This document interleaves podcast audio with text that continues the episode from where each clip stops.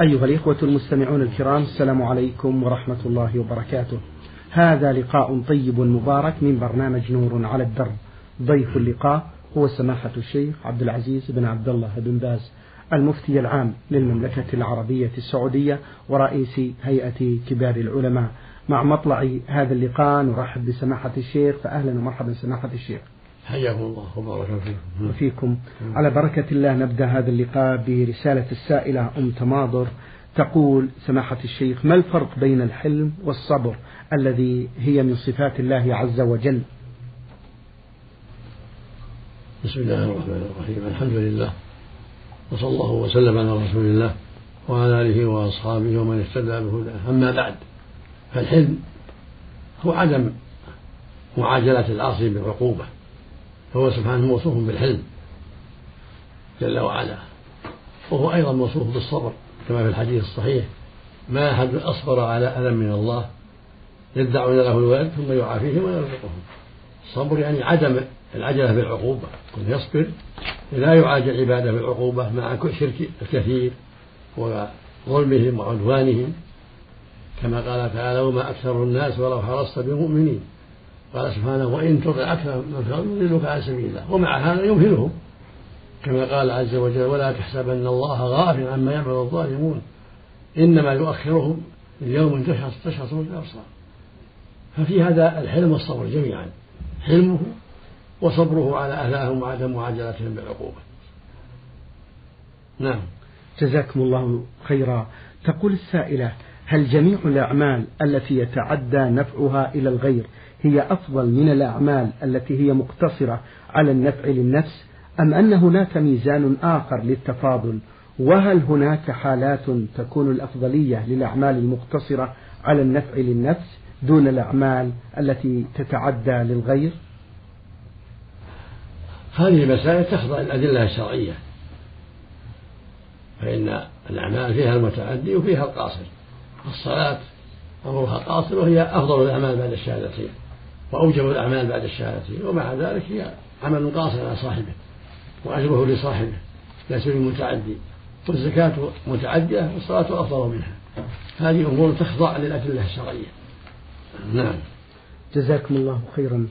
من ضمن أسئلة هذه السائلة تقول سماحة الشيخ أرجو أن تشرحوا لي هذا الدعاء بالتفصيل ونعوذ برضاك من سخطك ونعوذ بعفوك من عقوبتك ونعوذ بك منك لا نحصي ثناء عليك. مع بيان كيفية التعوذ بقولنا أعوذ بك منك. وضحوا لنا هذه المسألة. هذا دليل على الحديث صحيح من دعاء النبي صلى الله عليه وسلم. وهذا يدل على أنه يجوز بل يشرع التعوذ بصفات الله من صفات الله والتعوذ بالله من الله وهو يتعوذ برضاه من سخطه أعوذ برضاك من غضبك أعوذ برضاك من سخطك هذا من باب التعوذ بالصفة من الصفة. والتعوذ بالعفو من العقوبة. وبك منك يعني بقوتك وقدرتك على عذابي وعقوبتي بعدلك وعفوك وفضلك وإحسانك. فيتوسل من صفات العدل وصفات العقوبة. إلى بصفات العفو والإحسان والجود والكرم. وكلها صفات الله جل وعلا. فالإنسان يتعود برضاه من غضبه وبعفوه من عقوبته وبحلمه وصبره وإحسانه من عقوبته لعبده وحرمانه لفضله إلى غير ذلك مما قد يقع للعبد بسبب ذنوبه وسيئاته. فهو تعوذ بصفات من صفاته وهو تعوذ بالله عز وجل. التعوذ بصفاته تعوذ بسبحانه وتعالى. ومثل أعوذ بكلمات الله التامات من شر ما خلق. الكلمات صفة من صفاته. يتعوذ بها من شر ما خلق سبحانه وتعالى. وهكذا التعوذ بعزة الله وبعزة الله وقدرته. من شر ما أجد وأحاذ كما في الحديث من علمه شيء من جسده فإن يشرع أن يضع يده عليه ويقول أعوذ بعزة الله وقدرته من شر ما أجد وأحاذر رواه مسلم حديث عثمان بن عبد العاص. هذا كله من باب التعوذ بصفات الله من صفات الله. فيتعوذ بعزته وقدرته. من شر ما يجد حاله من آلام وأمراض ويتعوذ بكلمات الله التامات من شر ما خلق من جن وإنس نعم. جزاكم الله خيرا. هذا السائل آه، من السودان منصور يقول تيممت للصلاة ولما أقيمت الصلاة آه، آه، وجدنا الماء قبل تكبيرة الإحرام فهل يجوز أن نواصل الصلاة أو نرجع للوضوء؟ الواجب الرجوع للوضوء. لأنك وجدت والله يقول فلم تجدوا وأنت وجدت فالواجب الرجوع للوضوء. ويبطل التيمم. نعم. جزاكم الله خيرا.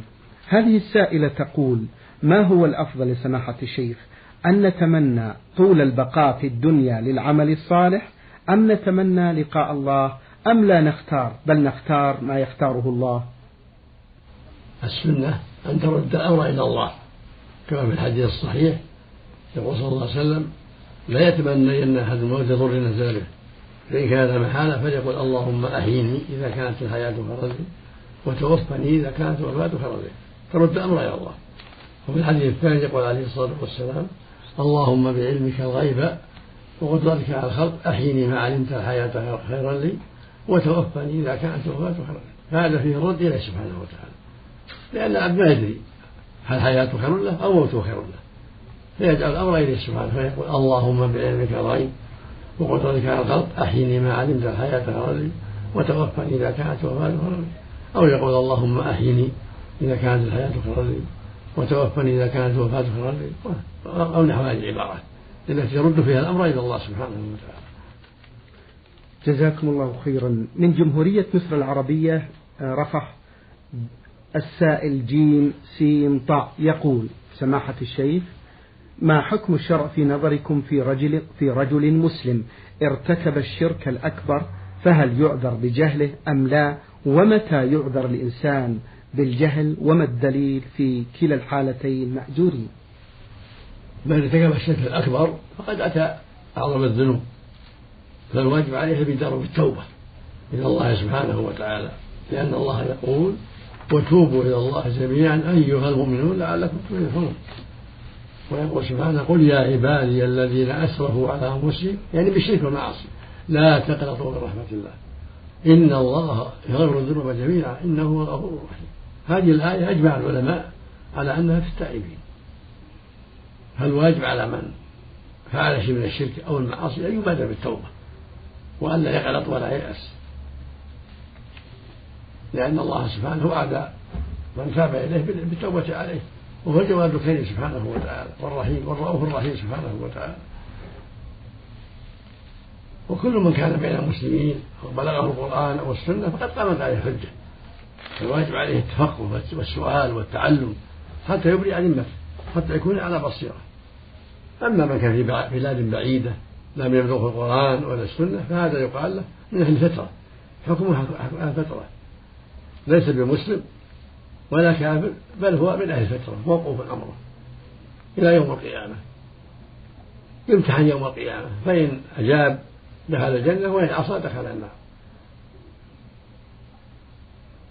لأنه لم تبلغه الدعوة. أما من كان بين المسلمين سمع القرآن سمع السنة عنده العلماء ثم يعرض ولا يسأل ولا يتبصر فهذا غير معذور نسأل الله العافية. نعم. جزاكم الله خيرا. السائلة فعين من مكة المكرمة تقول سماحة الشيخ هل هذا الدعاء يخص المسلم فقط أم أنه يخص الكافر أيضا لو دعا به؟ فيستجاب له. اللهم آجرني في مصيبتي واخلفني خيرا منها.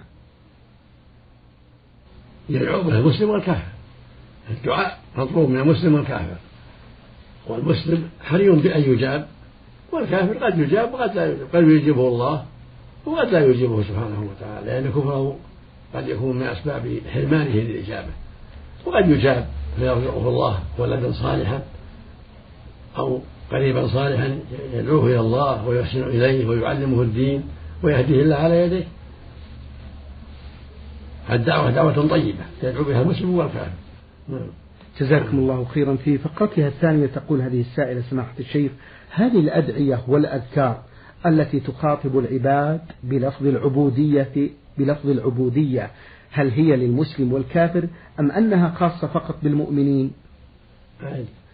تقول السائلة هل الأدعية والأذكار التي تخاطب العباد بلفظ العبودية هل هي للمسلمين للمسلم والكافر أم أنها خاصة فقط بالمؤمنين؟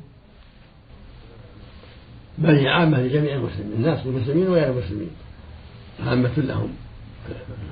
في عليه من يدعو المسلم يدعو وهو حري بالإجابة والكافر قد يدعو ويستجاب له. فإذا قال اللهم اغفر لي أو تب علي أو اللهم ارحمني قد يتوب الله عليه ويرحمه ويهديه للإسلام. وإذا قال اللهم عافني أو اللهم ارزقني ولدا صالحا أو اللهم أجلني من كذا أو ارحمني من كذا فباب مفتوح الدعوة للجميع. الله يقول سبحانه وتعالى وإذا سألك عبادي عني فإني قريب. الكافر عبد من عباد الله. ويقول جل وعلا ادعوني أستجب لكم. فكم من كافر استجيب له وهداه الله للإسلام. أو رزق ولدا أو أنجى من ضيق إلى غير ذلك. ربنا سبحانه وتعالى جواد كريم. يقول سبحانه أمن يجيب المضطر إذا دعاه ويكشف السوء هذا يعم المسلم والكافر. وجاب دعوة الكافر من إقامة الحجة عليه. إذا أجاب الله دعوته فهذا من إقامة الحجة عليه. فالواجب عليه أن يستجر بالله وأن يتوب إليه الذي أجاب دعوته ورحمه. عليه يتوب إلى الله وأن يبادر بالتوبة والإخلاص والدخول في الإسلام والحذر من الشرك؟ ومن تاب تاب الله عليه. جزاكم الله خيرا. السائل أبو أحمد يقول أسأل عن الوقف وما هو الأفضل فيه الصدقة أم الوقف؟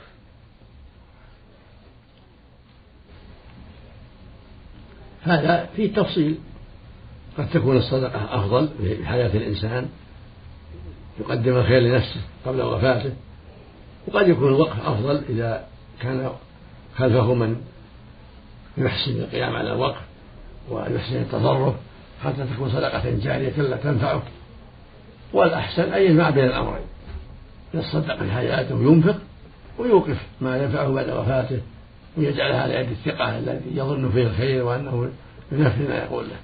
لأن الرسول صلى الله عليه وسلم أمر عمر أن يوقف. قال تصدق بأصلها في أرض الله في خير وتصدق بأصلها لا يباع ولا يوهب ولكن ينفق ثمره. وقال إذا مات ابن آدم انقطع عمله إلا من ثلاث صدقة جارية أو علم ينتفع به أو ولد صالح يدعو له فالوقف في وجوه البر وأعمال الخير مطلوب جيد ونافع والصدقة في الحياة وتنجيزها نافع أيضا.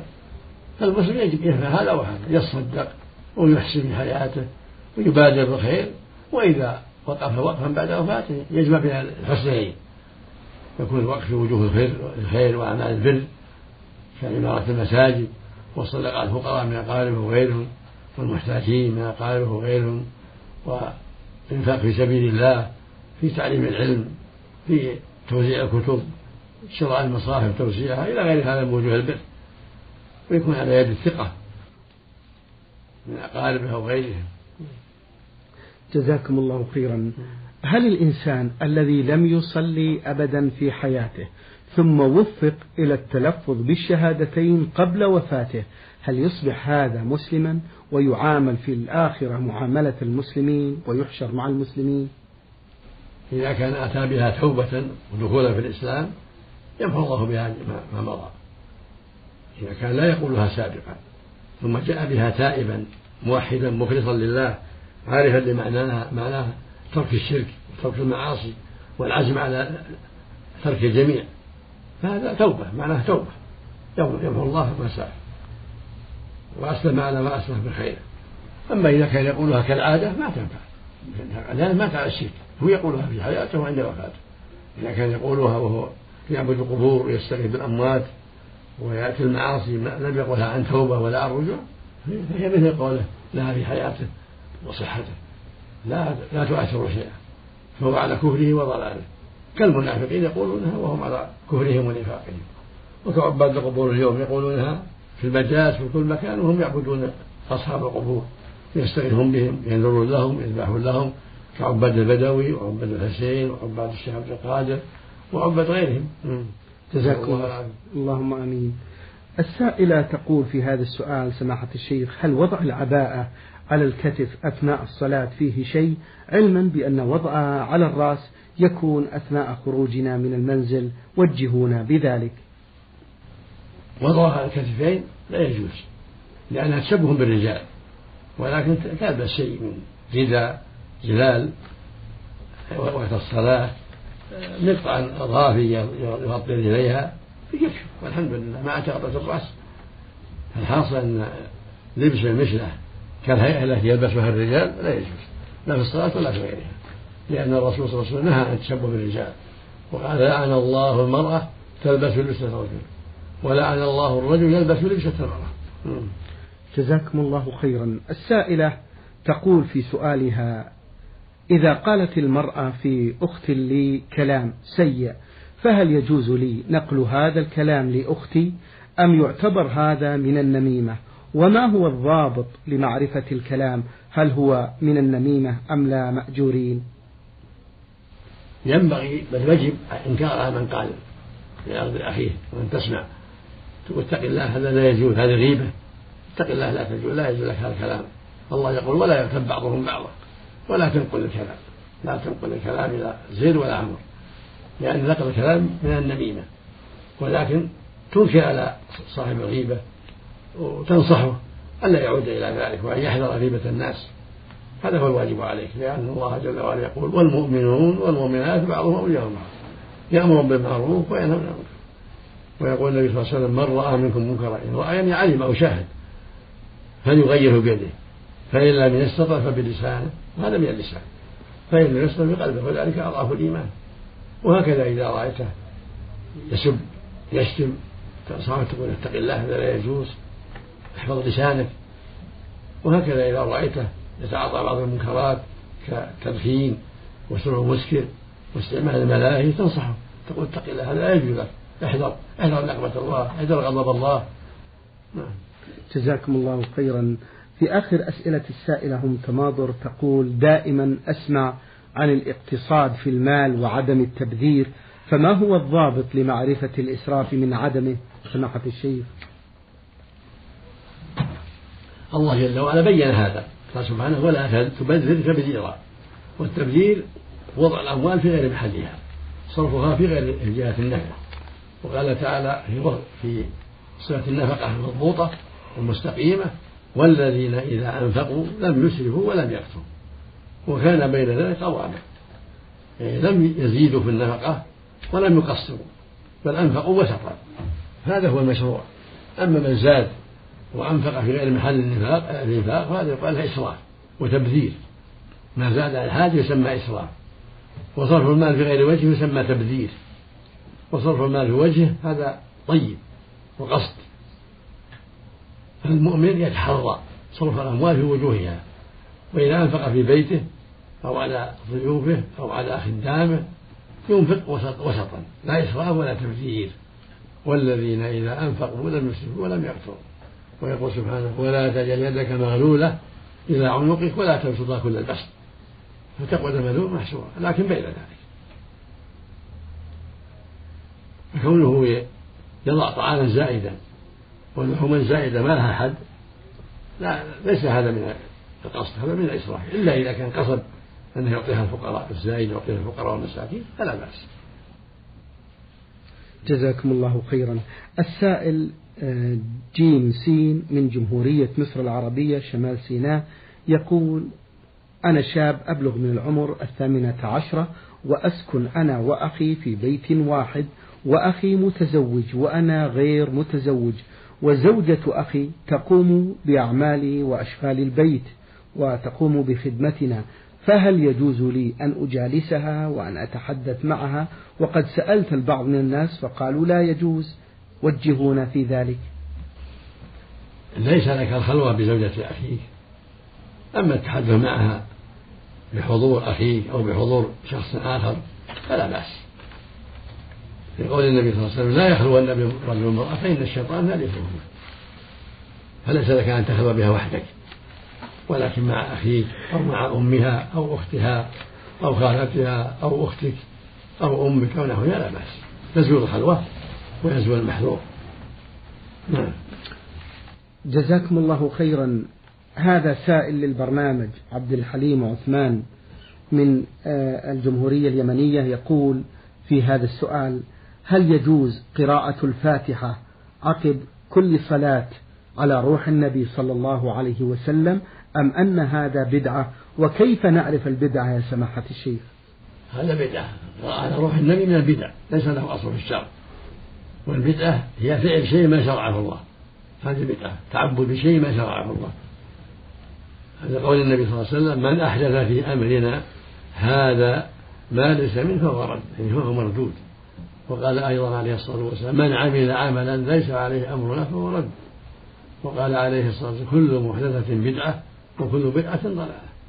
فالتعبد بشيء ما شرعه الله يسمى ضلالة. ومن هذا قراءة النبي صلى الله عليه وسلم قراءة مخصوصة أو مطلقة هذا ما شرعه الله لكن صلي عليه. اللهم صل وسلم عليه اللهم صل على محمد وعلى آل محمد كما صليت على إبراهيم وعلى آل إبراهيم إنك حميد مجيد. اللهم بارك على محمد وعلى آل محمد كما باركت على إبراهيم وعلى آل إبراهيم إنك حميد مجيد. اللهم صل وسلم على نبينا محمد اللهم صل وسلم على خاتم أنبيائك. اللهم صل وسلم على رسولنا محمد وما أشبه ذلك. اللهم اجزه عنا خيرا كما أحسن إلينا. تقول اللهم صل على محمد وعلى أزواجه وذريته كما صليت على إبراهيم إلى آخره. هكذا. تكفي من الصلاة عليه عليه الصلاة والسلام وتدعو له وتثني عليه وتتبع سنته. تحرص على اتباع السنة والاستقامة على دينه والعمل بشرعه. أما قراءة له ما شرع الله قراءة لا تقرأ النبي صلى الله عليه وسلم. ولكن تصلي عليه وتسلم عليه وتدعو له تقول جزاه الله عنا خيرا وضاعف الله مثوبته وأكثر حسناته إلى غير هذا من الدعوات الطيبة. جزاكم الله خيرا. يقول في فقرته آه، التالية شيخ عبد العزيز كيف نعرف بأن هذا العمل بدعة؟ تعرف أن بدعة إذا كان ما هو مشروع إذا كان ما فيه دليل على أنه مشروع. فالتعبد به يكون بدعة كل عمل لا تعرف أن له أنه مشروع من القرآن ولا من السنة. فالتعبد به بدعة. مثل التعبد بالمولد يكون في ربيع أول مولد النبي صلى الله عليه وسلم الاجتماع والاحتفال بهذا المولد. مثل صلاة الرغائب ليلة أول جمعة من رجب ونصلي صلاة مخصوصة. هذه بدعة. مثل الاحتفال بليلة الإسراء والمعراج هذه عبادة محدثة بدعة.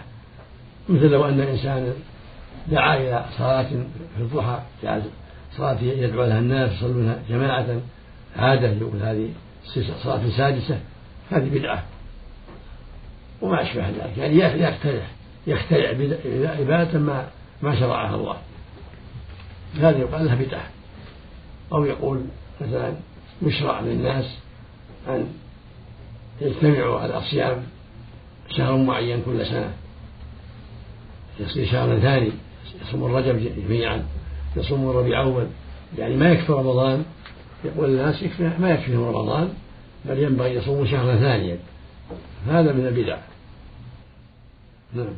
جزاكم الله خيرا. يقول ما حكم الشرع في نظركم في شرب الدخان؟ الدخان منكر. محرم لأنه مضر في مضار كثيرة. فلهذا أوضح العلماء رحمة الله عليهم أنه محرم لمضاره كثيرة. يقول في فقرته الأخيرة السائل عبد الحليم عثمان هل يجوز الدعاء بعد الفراغ من الصلاة جهرا؟ أي الإمام يدعو والمصلون يقولون بعده آمين. هذا من أنواع البدع. كون الإنسان يجهر بالدعاء ويؤمن عليه المأمومون هذا من البدع. لكن يدعو الإنسان بينه وبين نفسه بعد الذكر ويدعو الآخر بينه وبين نفسه بعد الذكر. أو قبل السلام أفضل يدعو قبل السلام بعد ما يتعوذ بالله من عذاب جهنم ومن عذاب القبر ومن فتنة المحيا والممات ومن فتنة المسجد. يدعو بدعوات. مما ورد في الشرع. مثل اللهم إني أعوذ من الكفر أعوذ بك الجبن أعوذ بك ان ارد إلى ارض العمر أعوذ بك من فتنة الدنيا وعذاب القبر. اللهم أعني على ذكرك وشكرك وحسن عبادك اللهم إني ظلمت نفسي ظلما كثيرا ولا يغفر الذنوب إلا أنت. فاغفر لي مغفرة من عندك وارحمني إنك أنت الغفور الرحيم. اللهم اغفر لي ما قدمت وما أخرت وما أسررت وما أعلنت وما أسرفت وما أنت أعلم مني. أنت المقدم وأنت المؤخر. لا إله إلا أنت. اللهم إنك عفو تحب العفو فاعف عني. اللهم أصلح قلبي وعملي. اللهم اغفر لي ولوالدي إذا كانوا إذا كانوا مسلمين. وما أشبه ذلك. جزاكم الله خيرا. هذه السائلة تقول سماحة الشيخ يقول العلماء في كلامهم درء المفاسد مقدم على جلب المصالح وغيرها من القواعد فما المقصود بهذه القواعد؟ ومن هو الذي وضعها؟ هل هو النبي صلى الله عليه وسلم أم العلماء استنبطوها؟ استنبطها العلماء من الأدلة من الأدلة الشرعية. يكون الإنسان يدرأ مفسده. أعظم من كونه يجلب المصلحة التي يتخيلها ويظنها. فإذا كان اجتماعه بزيد أو بعمر يترتب عليه شر فيترك هذا الاجتماع الذي يخشى منه شر وإن كان في يرجو فيه مصلحة بأنه يعطيه فلوس أو يدعو له أو ما أشبه ذلك لكن إذا كان يترتب عليه سوء ظن يظن بالشر أن هذا الرجل الذي يحب أن يجتمع به مشهور بالشر أو أو شرب المسكر أو لتعاطي ما حرم الله من اللواط أو ما أشبه يبتعد عن ما يظن به السوء من أجله.